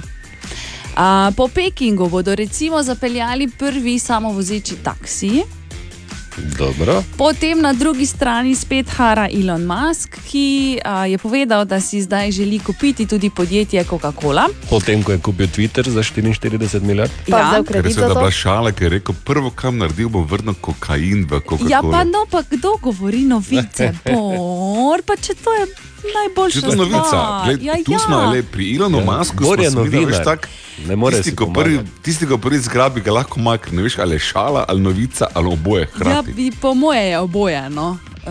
res je. Um, Jaz mislim, da je torej zmožen tega. vrniti, Ja, in, Ja. um, Jaz mislim, da ga je že kupil, pa ne vem. Tudi Zakaj jaz ne vem, da je kadarkoli to že bilo v Coca-Coli? Na začetku je bilo imeli, ja. recept. Aha, okay, dobro. Pa v lekarni so dobili. Bi pa Ok. okay. ob tem še samo povedala, da ne, eh, za 44 eh, milijard eh, je kupo Twitter, ne, ob tem pa je Tesla izgubil 126 milijard ameriških dolarjev. Drobiž. Bor, če nisi vedel. Kdo je, kdo je Tesla, da je on osebno zgubo ne? in ne sekira se, ker ta delnica Tesla. vrtoglavo raste zadnjih par let. To je res, to je res. Katja, nadaljuj. Hvala. In pa potem, ko je zaradi obsodb zdaj že bivše žene Amber, um, Johnny Depp, Depp, Depp. Iz, vidiš, da ja, Depp, ostal brez eh, kar nekaj filmskih vlog, so zdaj njegovi oboževalci pričeli zbiranjem podpisov, da bi brez vloge v filmu Aquaman 2 ostala tudi Amber. Mhm. Peticija ima že 2 milijona podpisov. Super, bom jaz tudi podpisal. Spremljam, zdaj to sojenje, Ja, zanimivo, ne? noro, neverjetno. Uh, ok, to je to Ja. danes zjutraj. Ja, to je to. Ja. Nič več nimaš. Pa dobro, no. Lahko pa še povem, recimo, da eh, Marko Fraž že dolgo pride. ni objavil nič na Instagramu. Ja, Borg? Reiner je na zadnje poslal sliko, ne, to ni za javnost. Okay, uh, hvala lepa in dobro jutro. Dobro jutro. Dobro jutro. Webcheck. Dobro jutro želimo. Dobro jutro. Dobro jutro. Bor, beseda je tvoja. Marko, vzamem jo, ker moram nekaj povedati. Povej. Včeraj so imeli v Kopru sladoledni dan. Pač še ena taka turistična promocija, oziroma Valentinova past, kot jaz temu rad rečem. Ker spomnite se, oziroma lahko bi se spomnili, ko so se ptički ženili pri nas, ko še ni, ni bilo Valentinovega, so bile rože cenejše, pa manj smo jih rabili. Zdaj, kakorkoli. Najbolj me je pri tej promociji izbodlo v Kopru, pri sladoledu smo, da je cena manjše degustacijske porcije, kot so rekli tam, simboličen en evro. Simboličen en evro, pa sladoled stane en evro. To ni simbolično, tako je. več je. Je stal, ja. Čakaj. Potem sem pa šel po kepico in ugotovil, da ni tako, ampak da je tako bilo. Maribor po cenah sladoleda sicer ostaja nekje v zlati slovenski sredini, v Ljubljani in na obali je najdražji. Bor, nekaj si si stisnil, ne slišim te. Ne slišimo te, Bor, nekaj si si stisnil. Ali pa ti bo računalnik eksplodiral čez tri, dva, ena in Nič. Adijo slovenska. Ne, Pa je šlo. Porne. ni te, Bor. Tako da bom jaz dal eno muziko in potem lahko govoriš naprej.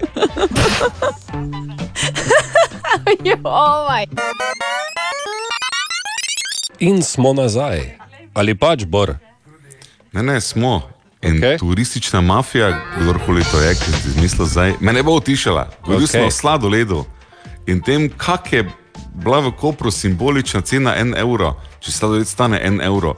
Pol pa šel v mesto in ugotovil, da v Mariboru mm, je sladoled 2,70 evra, če je Kaj? kepica posebna. Ja, okej. Sicer je kepica v povprečju tam nekje evro in pol, evro 70, eh, tako da je Maribor v zlati sredini med Ljubljano in Mursko soboto, ampak samo dve leti nazaj je bil sladoled cenejši za pol evra. Kaj si dar? Ja, drag je, ne, v bistvu je drag. Se če računate, da gre ena familija na sladoled, pa da skoraj 10 evrov ali pa še več, to je v bistvu velik strošek. Ni Ampak sile, vseeno, ni sile. Koliko gremo enkrat Toliko kepic ne poješ, tako da to kepico, ki tedensko poješ, mogoče dve, ni tako hudo. Tako vse gre, gor, to je tako vseeno. To, Ne. Nam se ne zdi. Ja, ne vem, prvo kot prvo, ko so bili še dolari, nisem vedel, kaj naj pomeni. Ampak, uh, ja, mislim, vse se vse draži, vse gre gor. Za, za študenta je uh, kar naporno. Uh, tudi stvari, ki so bile na študentske bone, so se podražile in moramo malo bolj šparati. Da, pač, ja, ampak vse gre vse gor, m, na splošno ne samo prehrani. Tako da, ja, mislim, da bo počasi spet recesija, kar ni najbolj optimistično razmišljanje. Ja, vse isto se strinjam, mislim, vse cene so šle gor, tako da smo že nekako navodili. Ja, ni fajn, sorazmerno bi se morale višati cene potem z drugimi zadevami, ampak se ne. Se ne more zdaj kruh pa sladoled biti toliko dražji. Ja, pač meni se zdi to tako malo brez veze, zaradi tega, ker so bili tako čisto v redu prej, sladoledi. Ja, ful je drag. A, Zdi se mi absurdno. Ja, zaradi tega, ker eh, od vsega bi lahko vsaj sladoled ostal nekje na isti meji. ne. Hm. Vidite, kak je Maribor pameten. Kaj sem jaz Oziroma, prav slišal, te- uh, gospoda na začetku je vse te, to je kepica ali dve na teden. Pa poješ. dobro, glej, vedno je kdo dejan med nami, se veš, kak je. Ne? Ampak generalno se mi zdi, ne, da ljudem ne ustreza karkoli, kar se drži, oziroma z modrostjo tiste male deklice, ki je lizala sladoled, to je brez veze. To je brez veze. Brez veze, dajte sladoled za stojn, vse dajte za stojn, kaj se to pravi. To tudi ne gre, Ja, gledaj. gre, vse da. Dobro jutro. Dobro jutro. Veste, kaj to O. pomeni? Da nehaj. Prvič v zgodovini se je zgodilo, da je Dejan Vedlin predal to nalogo tudi meni. Kaj ti petek je, čas je za skoraj nemogoče vprašanje, ko je vprašanje bolj spektakularno od odgovora. Ali pač? Vprašanje, ki ga imam pred tvojim vprašanjem, ne, je, ali ti je Dan napisal vprašanje, ali si ga sam napisal vprašanje, da vidimo, kako bomo stopnjo hudobije ocenjevali. Uh, Dejan je posredoval vprašanje. Čeprav glede na ne. Če jaz ne vem, sploh ki to oni išče, neki. Laže, vse se tam. Na vezi je z Evropskim uh, statističnim Lažnivcem. uradom. Mhm. Uh, skratka, torej vprašanje temelji na statistiki iz Evropske unije, torej zajema tudi nas. Uh, on mi je povedal, da ima vsak od vas štiri poskuse, da ne bi kdo goljufal. Pa če si izmišljuje pravila vsak dan, vsak Glej, teden glej, glej, glej, glej, glej. Pardon, ok, v redu, štiri, ampak res ima vsak. Te... Vsak ima štiri poskuse. Prejšnji smo imeli tri, če že te Tako mogoče da, uh, ali ste pripravljeni? Nikoli dovolj, ampak vrži. Dobro, vprašanje se glasi. Tri četrt vseh vprašanih v Evropski uniji bi se za to odpovedalo TV-ju, šopingu Jaz in vem. celo mobilnemu telefonu. Čokoladi. Kaj je to? Ana prvič. Katja, si rekla, da veš. Ne, ker sem se premislila. sem Ka, si. Ana drugič. Čakaj, šopingu. TV-ju in celo mobilnemu telefonu. Škaj, to mora biti nekaj. Kaj je to? Kar ne. da bi dal stran mobilni telefon, TV in shopping. Višja plača. Ne, večne počitnice. Bor ena, Ana tri, en poskus še imaš, Ana, Ja, Katja vem, še ja. ni Samo poskusila. imela sem pa kvalitetne, veš. To je Res je. Ampak ne pomeni nič, če ni pravi. Hm. Da ta vidva še kaj reči, da jaz si jih par izločim, ker jaz jih imam fejst dosti. Ti so šepni mi. Ne, ne ti nič šepnila. Ti Ja. šepni Za mi. popolno postavo. Moram pa reči, da ste bolj v toplem teritoriju zdaj. S to uh, Za Katino. popolno, ne, ne, ker to oboje, ne, moški in ženske. Ja, ja. Okay. Tri četrt vseh vprašanih. Bi imeli lep obraz. Bor dva, Katja ena, Ana tri. Kaj, eh, dajem, dajem, dajem namige ali kaj? Kaj Ja, dosti jih da. Dosti je namigov, da. Žakon daje namige. Je, Ful. namig je bil to, kar je Katja rekla, da ste zelo blizu. Da je zelo toplo. Kaj si rekla, že voda Katja, kako mori, si ne. oblikovala? Je rekla je, da karkoli, mislim, karkoli s telesnostjo ne, se zdi tukaj. da Da, Popolno popolno postavo. je, ja. da bi imeli mišice. Trebušne mišice. Imeli Ana je zunaj, ampak je dala zelo dober namig vama. Ja, evo, Po- vidiš. Popoln trebuh, da bi imeli. Ja, pa to je to. Katja malo še drugače oblikuje. Oh, moj bog, pa ne morem. To, kar si rekla, samo drugače povej še. Popolnoma, popolno Pa izoblikovan. da je beg to popolno. ne Izoblikovan trebuh. Ja, kak je? da... Ravn Ravni trebuh. To. Bor, zmagovalec. Hvala lepa. Prišel, videl, poslušal in zmagal. Ja, seveda, Bor, si ne, izločuješ. ne, zato ker tako sem zadnjič jaz Ne. zmagala. Tako sem zadnjič jaz zmagala, pa sem ti mogla dati zmago. Da pa morata tako no. meni vse, kaj imata. Ne, Ja. dobim pa tako jaz sem vse. rekel Ja, ne, pack, ne, pa- ker sem jaz začela s postavo, tako da v bistvu ste Ja. itak se meni dolžni. Eh, Si To se vi v še malo pa bistvu. še igrala na mesto Tave, ne? Ja, ja. Mhm. V prvi postavi. ja. Jaz sem samo prišel in postavil Enkrat vprašanje. Ja, boljše, Bor je zmagal, zdaj pa gremo. Kdo je zmagal? Bor, Kdo? Bor. O, Tine! O, Tine, ampak Tine sem, ta da ga ni, ne? Tine ta ni. Eh, Vseeno želimo dobro jutro. Dobro jutro. Jutro. Jutro. In eh, Tine je kot vedno, ko njega ni, pooblasti Dejana, če pa ni Dejana, pa pooblasti mene. Kako si vi pooblastila? Če to ne bi najprej mene ne. pooblastil, ne, ker je. Jaz imam ustno vemo, da- pooblastila, samo zdaj ga ne najdem. Ja, jaz je. sem, jaz sem nisem ne ustnega, ne ne pisnega, ampak se podrazumeva, ne, da on rad išče živalske znameni, Znamenitosti. znameni, ja. zanimivosti, Živalske bolj bi lahko rekel. Ne.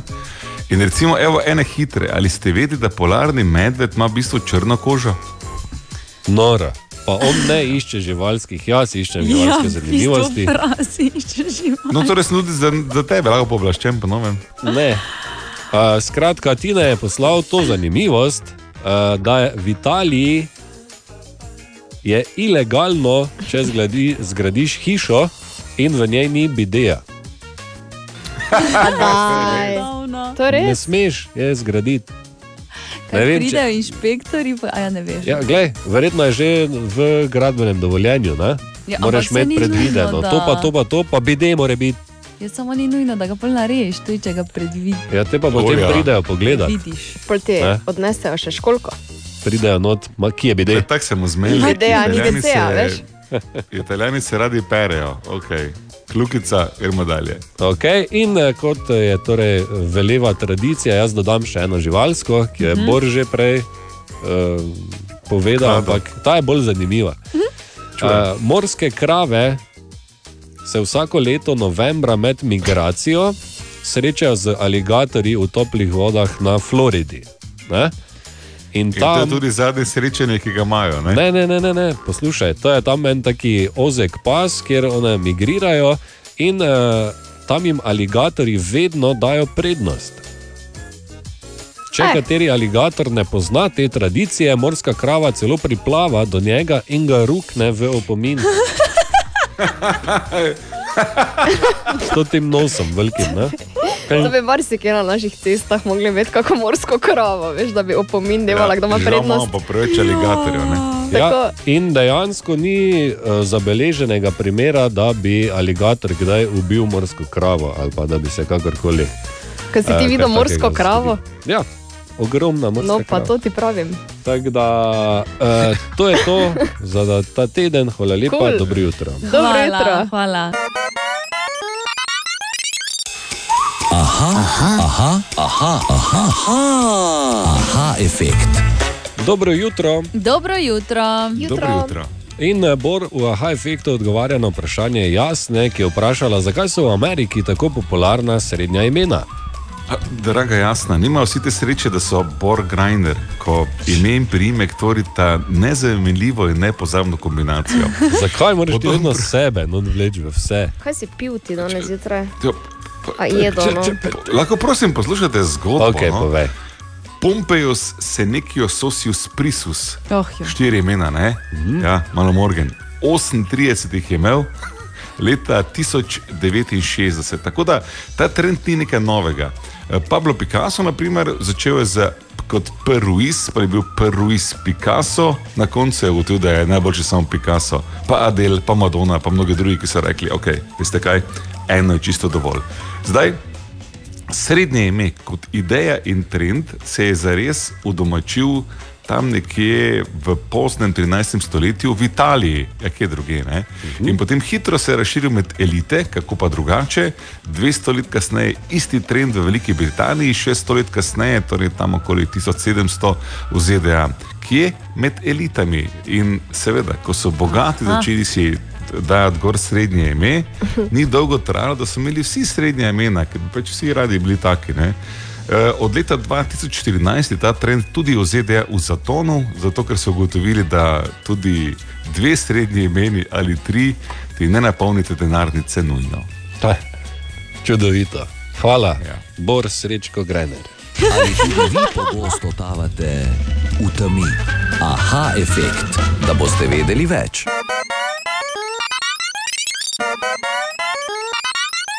Čas je za Borovo špajzo, dobro jutro. Dobro jutro. Dobro jutro. Samo da ni, ne? Zato ker vedno, ko Dejana ni, tradicionalno odigramo kviz brez bora. Je!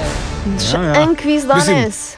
Ja, to, da Dejana ni nas je rešil od modrovanja o tekmi, ker bi nekaj pametnega povedal o tem, kako Maribor išče identifikacijo skozi futbol, ampak ne.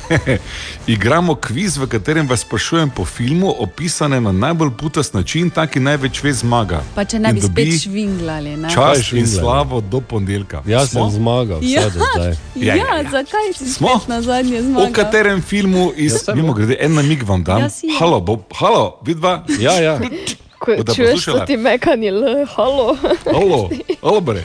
Torej, o katerem filmu govorim? Če vam rečem, da je film iz 1988 Kaj vama, kaj jaz ne- govori, Jaz se ne grem zraven. je, ti poslušaš do začetka, Ana, ti si v redu. Ja, Ne, Ana, tebi, samo tebi dam pa na mi, ker si pridna. Vsi filmi so komedije, ok? A to bo pa mogoče celo šlo. Ja, pa ona dva pa nista slišala, da je. Jo. O katerem filmu iz 1988 leta govorim, če vam povem, da govori o policistu, pa pol več ne veš, ali je v enem filmu ali so vsi filmi Policijska skupaj. akademija. Ne, Ena. Ampak je Beverly pa Hills. Cop. Ko pes in ime mu je Frank Drabin. Frank Drebin, čakaj. Ja, pa to je iz policijske akademije, ni? Uh, a ja, ne, gola pištola. Gola The pištola. Naked Gun yeah. in to originalna. 1988, to je točka za kolega Marko Tamarko. Izjemno, bravo. O katerem filmu oziroma komediji vas sprašujem, če vam rečem, da 1993. leta se je zdelo, kot da se je čas ustavil in se neskončno ponavlja, kaj to je. Te se pa zbudiš, pa je isti dan, pa se zbudiš, pa je zopet isti dan. To ni Groundhog Day. In Jaz to je sem rekel 2-0 prvi. za kolega Markota. Kaj, k- kako dela, ded, se ne morem verjeti. O katerem filmu iz 2016 vam govorim, ko vam rečem, da je res smešen, pune, zakaj ima črno, rdeči kostum, pa nekaj meče. Črno-rdeči. Aja, Deadpool je oh pravilno odgovor. God, Joj. ne. 3-0, pa kaj, to, kaj, kaj nehamo, še Eno še daj, tako je zmagal, ampak daj še eno. Oh, o kateri družinski komediji govorim, če vam rečem, da leta Beethoven. 2014. Je. Leta 2014 noben od nas ni mislil, da bodo kocke v filmu, pa, pa so bile. Kock, če kaj še enkrat, prosim. O kateri družinski komediji govorim in po naslovu katerega filma vas sprašujem, če vam rečem, da leta 2014 si noben ni mislil, da bodo 14. kocke v filmu. A ja, pa so pa Miller bile. je, Millerjevi, ali kaj so Müllerjevi, ne? Okay, Ne, dobro. ne. Mm. Razmišljamo out of the box, katere kocke imajo otroci radi. Lego kocke. In film je Lego Man. Lego. Lego, Man. Lego 2. Lego, Lego Batman. Kaj, lahko, samo gremo dalje in nobenemu ne dam točke, ker to je The Lego Movie. In, A, okay. Jezus To Kristus. pa Lego 1. Se to, Skratka, to smo rekli. če ne, ne, pozabimo ne. tega zadnjega, jaz sem Ne, zmagal. Marko, imam še eno, imam še eno bonus. Pojeda Okej. danes. Ta pa je zadnja, ta pa je zadnja. O katerem filmu iz 1988 leta govorim, če vam rečem, da dec je prišel v Ameriko ženo iskat, pa noben ne ve, da je princ. Dokler so ugotovili, da je Uh, Bor. zamunde. tega pa nisem gledal, tako da ne vem. Kaj?